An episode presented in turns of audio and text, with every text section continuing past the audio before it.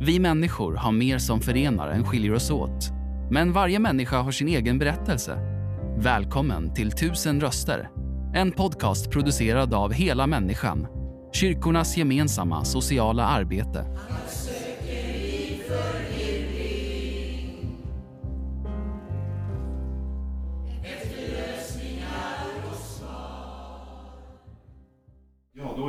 Hela Människans verksamhet i Falun och Riastugan här. Jag träffar Lena Syd som är 49 år, mamma till fem söner där den äldsta är 30 och den yngsta är 18. Hon har också en relation med en man. Eh, Hon flyttade till Falun när hon var 10 år gammal men ser sig som Falubo. Hur är läget med dig? Tack, bra. Ja, Ja. och ehm, du har eh, kommit hit som på um, arbetspraktik, eller hur? Mm. Arbetsträning. Arbetsträning Ja. var det för, för tio år sedan. Men nu är du anställd här. Mm. Ja. du berätta lite vad du gör på Hela Människan? Eh, Jag gör allt i huset, vilket är att servera frukost. Vi delar ut kläder. eh, Tvättar kläder till de som behöver hjälp med det. Har samtal. Städar och håller snyggt i stugan så att det är trivsamt att komma hit. Lagar mat när inte våran kock är här så faller det på mig att laga maten planerar mat, står för inköp. Jag är köksansvarig så att allt som har med köket att göra. Mm. Hur trivs du här? Jättebra. Mm. Det är roligt. Ja. Vilka är det som brukar besöka Hela Människans verksamheter i Falun? Det är väldigt olika. Det är... Många tror ju att det bara är missbrukare. Det är missbrukare också. Men eh, man kan komma hit kanske för att man är ensam, behöver det sociala sammanhanget som finns här. Eh, kanske har det lite dåligt ställt ekonomiskt. Då har vi ju billig lunch och gratis frukost och möjlighet till kläder då som sagt. Så det är väldigt spritt. Ni har ett väldigt fint klädrum här med eh, Mm. uppmärkta storlekar och allting. Mm. Vad, vad kostar lunchen som du berättade om där? 20 kronor. 20 kronor, det var väldigt bra. Ja. Och eh, jag... Vi pratade här lite grann om att du kom hit efter en depression Mm. eh, och började arbetsträna. Vill du berätta lite om hur det kom sig att du hamnade i den här depressionen? Den utlöstes till största del av att jag blev nykter. Mm. Eh, Jag hade ett alkoholberoende som jag tog tag i och gick en behandling. Och det var jobbigt att skiljas från alkoholen.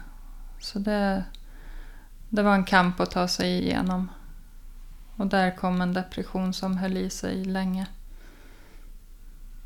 Vad tror du att det var som gjorde att du hamnade i depressionen? Var det att du inte fick substansen eller var det mer det sociala försvann? Eller har du någon tanke där vad det berodde på? Mm, det var nog mer då att inte kunna dricka. Att inte få alkoholen och känna det här lugnet som jag upplevde när jag drack. Och ja, känslan av att dricka helt enkelt. Men ändå så var du så pass stark att du höll dig liksom Mm. från det här. Ja, jag klarade av det. Ja, fantastiskt. Jag hade min man som stort stöd också som hjälpte mig. Och så behandlingen och sen efter vården efter behandlingen som var ett år.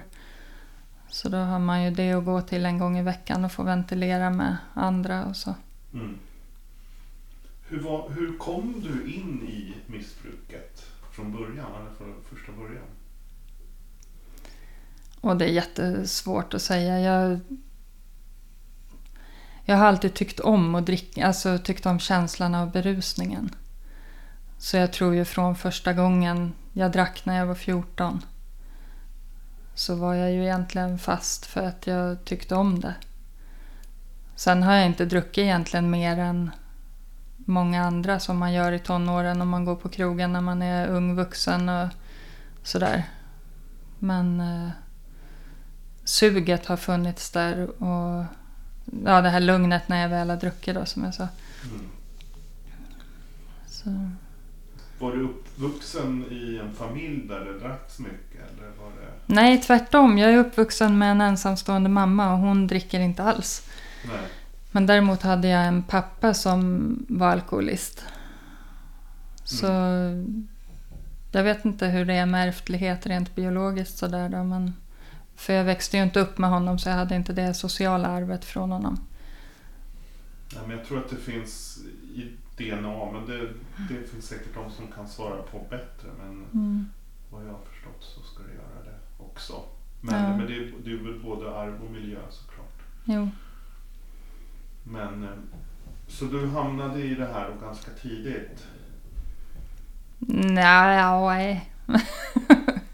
jag tror som sagt att jag var fast i det från det att jag var 14 då, Ja. bara för att jag tyckte om det så jag ville ju gärna dricka. Sen träffade jag min äldste sons pappa när jag var bara 15 år. Och fick barn ung. Så att jag drack inte så mycket egentligen i de sena tonåren där när jag var 17, 18, 19 där. Men sen eh, separerade vi och jag hade sonen varannan vecka. Och ja, började gå ut på krogen mer och festa med kompisar och sådär. Mm. Och då vart det ju mer... Jag har alltid Mm. varit fullast på festen och Mm. sådana saker. Enligt min egen upplevelse i alla fall. Mm. Ja. Ja, men... Och eh, vad var det som gjorde att du tog dig ur till slut då?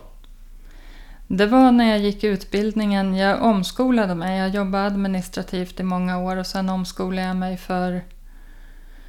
Jag var klar 06. eh, Till behandlingsassistent. Och det var under utbildningen som eh, det gick upp för mig att jag faktiskt var beroende. Och så fick jag möjlighet att gå behandlingen. Så det var på Mm. den vägen. Mm. Ja. Fantastiskt. Liksom att Ja. kunna göra den resan. Ja. Vad, vad, nu jobbar du här och har jobbat i tio år. Eh, vad, vad tänker du om eh, fem, tio år framåt? Var, var kommer du vara någonstans i livet då? Ehm, stor chans att jag är kvar här. Yrkesmässigt. Du trivs bra här? Ja, det gör jag. Trivs att jobba med våra gäster. Mm. Det gör jag. Mm. Så jobba med människor gör jag ju absolut.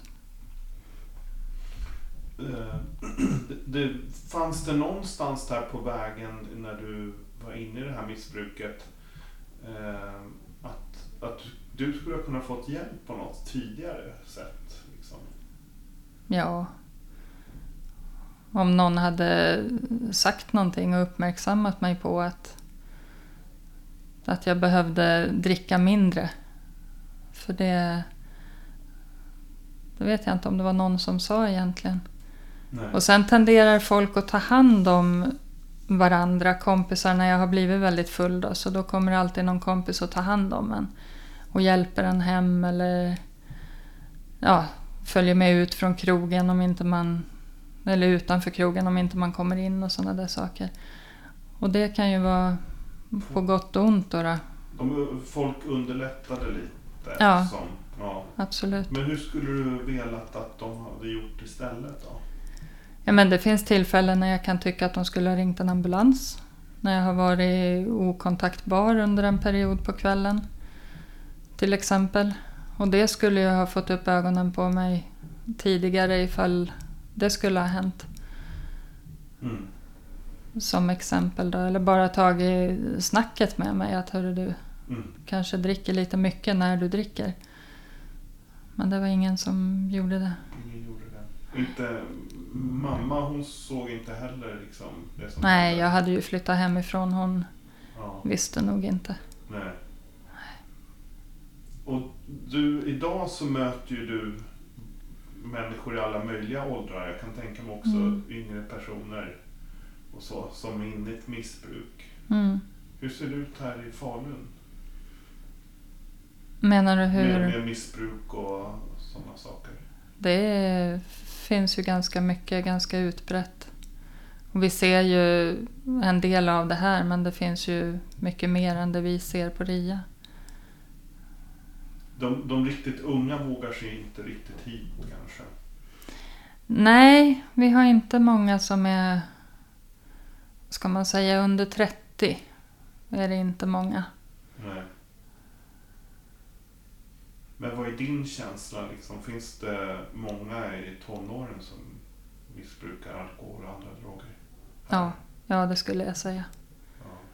Min man jobbar med ungdomar så jag hör ju mycket från honom också att det är utbrett där också. Vad skulle man kunna göra då? Om du tänker tillbaka till din tid när du var ung. Vad skulle man kunna göra för att eh, stoppa det här? Det är det där snacket. Att prata med när man ser att någon dricker för mycket om man pratar om alkohol då. För ofta eller för mycket när de dricker. Att man pratar om det, vågar lyfta det och ifrågasätta och fråga hur, hur personen mår i relation till alkoholen. Då. Hur ska, hur ska man ta upp det med någon? Liksom? Och hur börjar man? Om någon som är lite rädd för att ta upp det här. Vad, vad skulle du säga liksom, tips? Jag tycker att man kan börja med att man är orolig. Att man ser ett beteende som oroar en. Mm. Och fråga hur personen mår. Om det finns någon anledning till drickandet i ett mående som kanske finns i vardagen även när man är nykter. Mm. Mm. Det tror jag är ett bra sätt. Mm. Visa att man bryr sig. Hade du något i ditt liv då, som må, ett mående som gjorde att du tog till alkoholen? Jag är ju... Jag har druckit på alla känslor. Man säger att man dricker på känslor. En del dricker när de är ledsna. För att kanske bli lite gladare. Andra dricker när de är glada för att förstärka det och känna den glädjen ännu mer. Jag har druckit på alla känslor. Dämpa när jag har varit ledsen och ja, bli gladare när jag har varit glad. Så att det har varit... Men jag separerade ju från äldsta sonens pappa också när jag var i 20-årsåldern. Mm. Och det är klart att en separation är alltid jobbig. Ehm, men egentligen, det är det att jag har tyckt om känslan av berusningen. Mm. Ja, Mm. intressant. Och det fanns liksom inga, inga sociala myndigheter eller socialtjänst eller någon som uppmärksammade det här i skolan eller Nej, något sånt? skolan gick jag inte i, jag jobbade. Men eh, nej, Mm. ingenting. Och jag drack inte när jag hade min son varannan vecka. Eller det gjorde jag till slut. Mm, Gjorde jag det. Mm. Men eh, under en period. Men på det stora hela så drack jag inte. Och det klarade jag ju av för att jag visste att jag skulle få dricka sen. Jag kunde vara nykter en helg för jag visste att ja, men nästa vecka, då kan jag få dricka. Och då hade jag det där lugnet i mig ändå för att jag, jag visste att det kommer sen. Och det var ju det som var så jobbigt när jag skulle bli nykter för då visste jag tvärtom att nej men jag, jag kommer inte få dricka någonsin igen. Och det blev en stor sorg. Och så hade jag den där inställningen från början att jag får inte dricka. Istället för att vända på det och säga att ja, men jag vill inte. Det skapar så mycket negativa konsekvenser så att jag vill inte dricka. Mm. Det tog lång tid att komma till det. I början var det bara att ja, men jag får inte. Jag är beroende, jag, jag får inte dricka. Mm. Och det var jättejobbigt. Vad hände när du gick över till det här, jag vill inte dricka? Nej, men då blir det ju ett eget val. Då... Det landar i mig, det landade i mig på ett bättre sätt. Att jag vill inte och jag såg de här konsekvenserna för så länge det var att jag får inte. Då brydde jag mig inte så mycket om konsekvenserna. För att känslan av berusningen var viktigare. Och då kände jag mig bara hindrad av folk i min närhet som, med min man främst då, som faktiskt satte upp gränser och sa att drack jag mer så skulle han lämna mig och sådär. Då, då vart jag ju bara arg och tyckte att han hindrade mig från någonting jag ville. Nu med lite distans, vad, vad tycker du om att han gjorde så? Det var bra. Det var nog räddningen. Mm. Hade jag inte haft honom som gjorde det, då hade jag druckit. Det tror jag. Mm. Även långt efteråt, för det, det tog väldigt lång tid för mig att känna ett lugn i att vara nykter. Då pratar vi nog om ett år eller två. Innan det kändes helt okej. Mm. Men nu känns det helt okej. Ja, Skönt. nu är det många år nyktert. Mm. Men om det skulle vara någon som lyssnar på det här och kände igen liksom saker som du nämner och din, dina val och så. Va, vad skulle du vilja säga till den personen? Ja, känner man en oro över sitt eget drickande då ska man ta tag i det, lyssna på den oron. Och då finns det ju ställen att vända sig till. Kanske ens kommun har någon öppenvård man kan ringa. Eller AA finns ju runt om i landet. NA också. Så att man tar tag i det, tar sig själv på allvar. Mm. Möter ni det här också på hela människans verksamhet? Att folk lyfter det, jag vill sluta. Ja, absolut. Vad kan ni göra då? Ja, vi kan hjälpa till med vad det finns för hjälp att få i våran kommun. Eh, vi kan stötta om det skulle behövas och följa med om någon vill gå till öppenvården till exempel. Bara följa med dit och sen får de ju vara på besöket själva. Men, eller stötta med att ringa ett samtal. Det kan vara jättesvårt att ta det där första steget till att söka hjälp. Men då kan vi finnas här. Mm. Mm. Vad skulle du säga till någon som eh, kanske aldrig har satt sin fot här i RIA-stugan, här, hela människans verksamhet i Falun? Vad skulle du vilja säga till dem? Välkommen! Välkommen! Ja, alla är välkomna. Kom jättegärna hit och säg hej och ta en kopp kaffe eller Mm. te eller saft eller vad man dricker. Eh, ja, Mm. sitt i soffan en stund och titta på TV, läs en tidning, prata med andra gäster eller oss i personalen. Mm, Och vem som helst kan komma hit. Liksom man, eh, ja, absolut. Ja, Jätteintressant att höra om din historia och fantastiskt att du har tagit dig ur det här. Eh, och jag tror många känner igen sig i det, det som du har tagit upp. Det här mm, suget. mm, ja. Och, ja, nej, men det var väldigt intressant att lyssna till dig. Mm. Tack så mycket. ja, tack själv. Tack för att du lyssnat. Intervjun gjordes av Daniel Ryderholm och musiken framfördes av Gatans röster. För att hitta fler avsnitt och ta reda på hur du kan engagera dig besök helamänniskan.se volontar.